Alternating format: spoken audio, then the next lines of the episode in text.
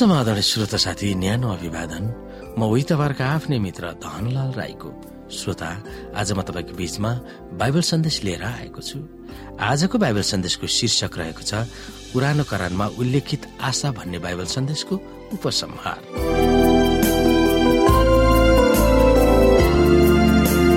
श्रोत साथी सबै पदार्थहरू आटम वा अणुहरूमा बनिएको हो।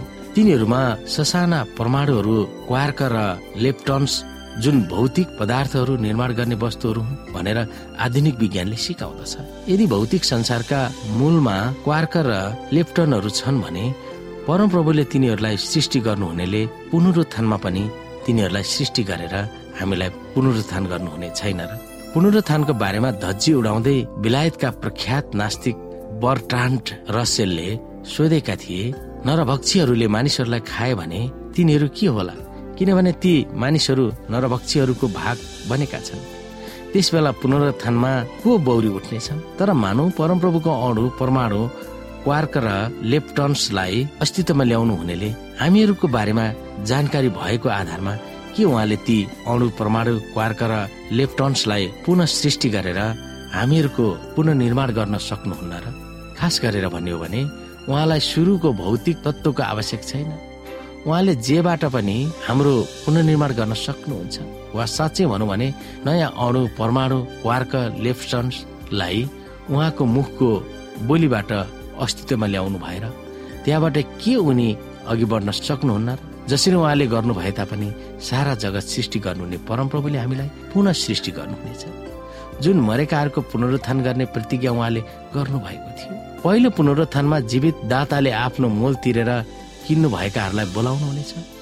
त्यस बेलासम्म जब विजयको क्षण हुँदैन जब तुरहीको अन्तिम आवाज सुनिँदैन र अनन्त विजय उल्लासको निम्ति ठुलो जमातको पुनरुत्थान हुँदैन तबसम्म प्रत्येक मरेका सन्तहरूलाई सुरक्षित राखिनेछ र बहुमूल्य हिराको रूपमा सुरक्षा दिएर राख्नेछ ती सबैको नाउँ परमप्रभुलाई थाहा भएको हुन्छ।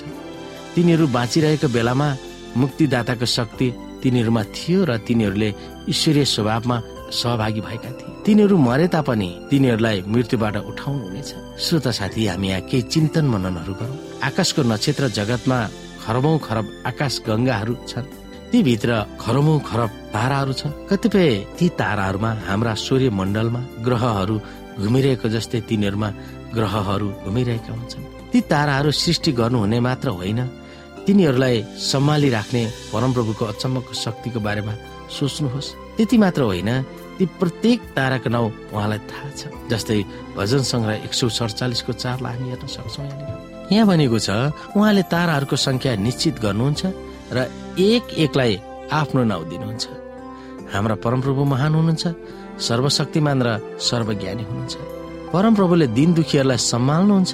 र दुष्टहरूलाई उहाँले जमिनमा फालिदिनुहुन्छ। धन्यवादका साथ परमप्रभुको स्थिति गाओ बिडा बजाएर हाम्रा परमेश्वरको स्थिति गर। उहाँले आकाशलाई बादलले ढाक्नुहुन्छ र पृथ्वीलाई वर्षा दिनुहुन्छ अनि पहाडहरूमा घाँस उमार्नुहुन्छ। उहाँले भकाएका पशुहरूलाई कागका बचेराहरूलाई आहार दिनुहुनेछ। उहाँ घोडाहरूको बलमा अथवा मानिसहरूका खुट्टामा प्रसन्न हुनुहुन्न। तर परमप्रभु उहाँको भय मान्नेहरूसँग उहाँको अचुक कृपामाथि भरोसा राख्नेहरूसँग प्रसन्न हुनुहुन्छ।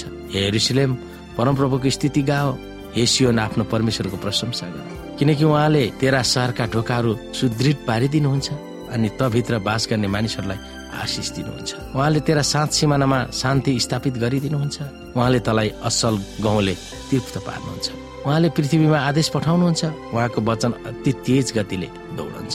उहाँले उन जस्तै गरी हिमपात गराउनुहुन्छ अनि तुसारो खरानी झै छरिदिनुहुन्छ। उहाँले असिना कङ्कट झै वर्षाउनुहुन्छ उहाँका कठ्याङ्ग्रिने चिसो बतासमा को टिक्न सक्छ।